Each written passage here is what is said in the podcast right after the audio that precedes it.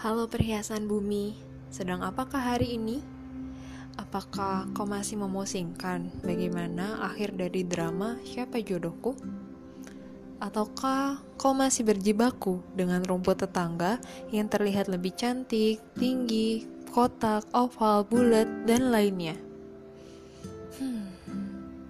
Hai perhiasan bumi, kau tahu Maha pencipta kita tidak minta muluk-muluk loh.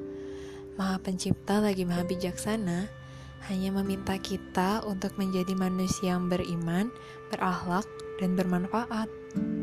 Dan semua orang punya hak yang sama untuk mendapatkan posisi tertinggi dari penilaian tadi. Dan itu tidak harus ada persyaratan cantik, tinggi, kotak, bulat dulu kalau mau jadi manusia yang Allah minta.